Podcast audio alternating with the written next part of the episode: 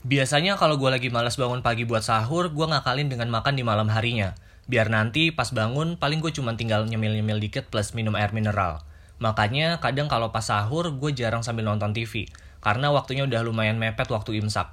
Cuman pas tadi pagi sembari nunggu mie instan gue mateng, gue coba iseng sambil ngeliat ada program apa aja sih di TV buat nemenin orang-orang yang lagi pada sahur.